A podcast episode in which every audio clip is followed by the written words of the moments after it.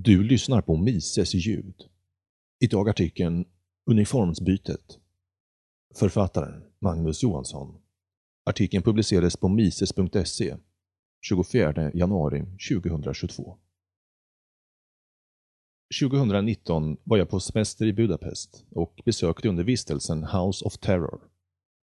Museet belyser Ungerns historia från mitten av 1900-talet, under vilken tid landet var ockuperat av två olika auktoritära ideologier. Nationalsocialismen följt av kommunismen. Stället har kritiserats av internationella professionella tyckare, journalister, politiker och akademiker för att oproportionerligt fokusera på kommunismens brott.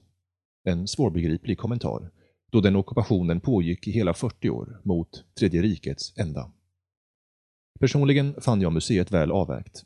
I vilket fall, den av utställningarna som stannade kvar hos mig särskilt, då den ständigt tycks göra sig påmind, var den benämnd Uniformsbytet.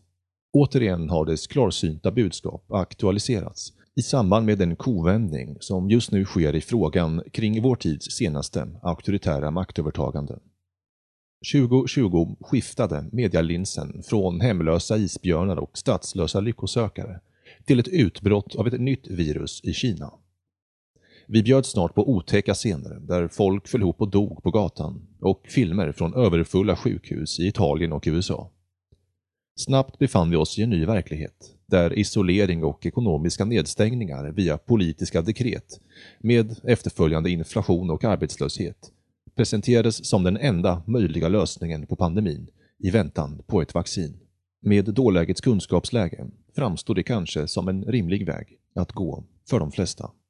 1939 var det val i Ungern och Pilkorsrörelsen, Ungerns motsvarighet till det nationalsocialistiska arbetarpartiet i Tyskland, blev det näst största partiet.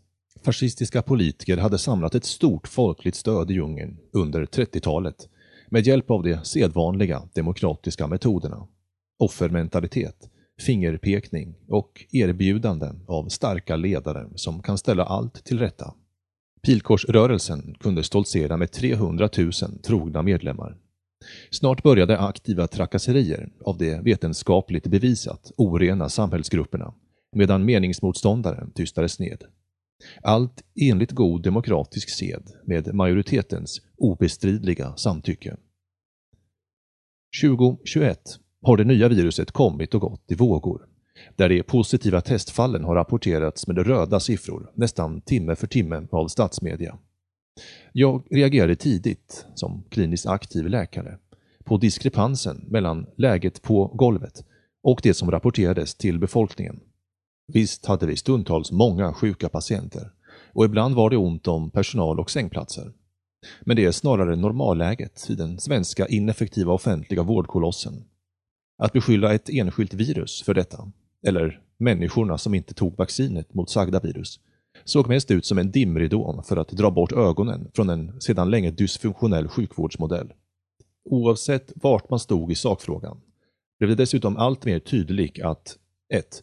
Virusets allvarlighetsgrad, restriktionernas nytta och massvaccinationens rimlighet bör diskuteras. 2.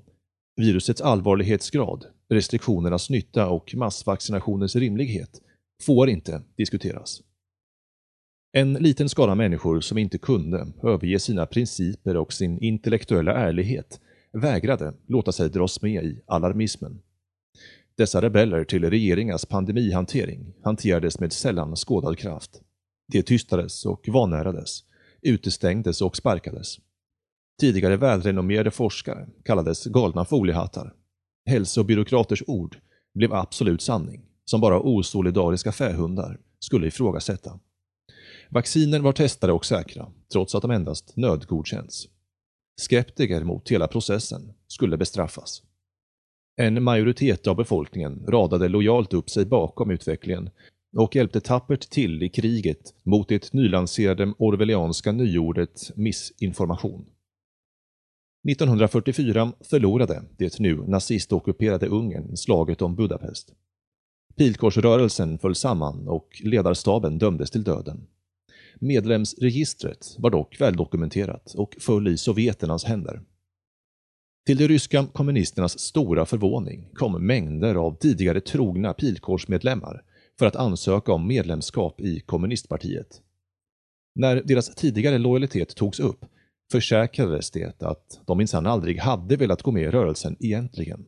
Att de bara hade dragits med och att deras del faktiskt var mycket liten.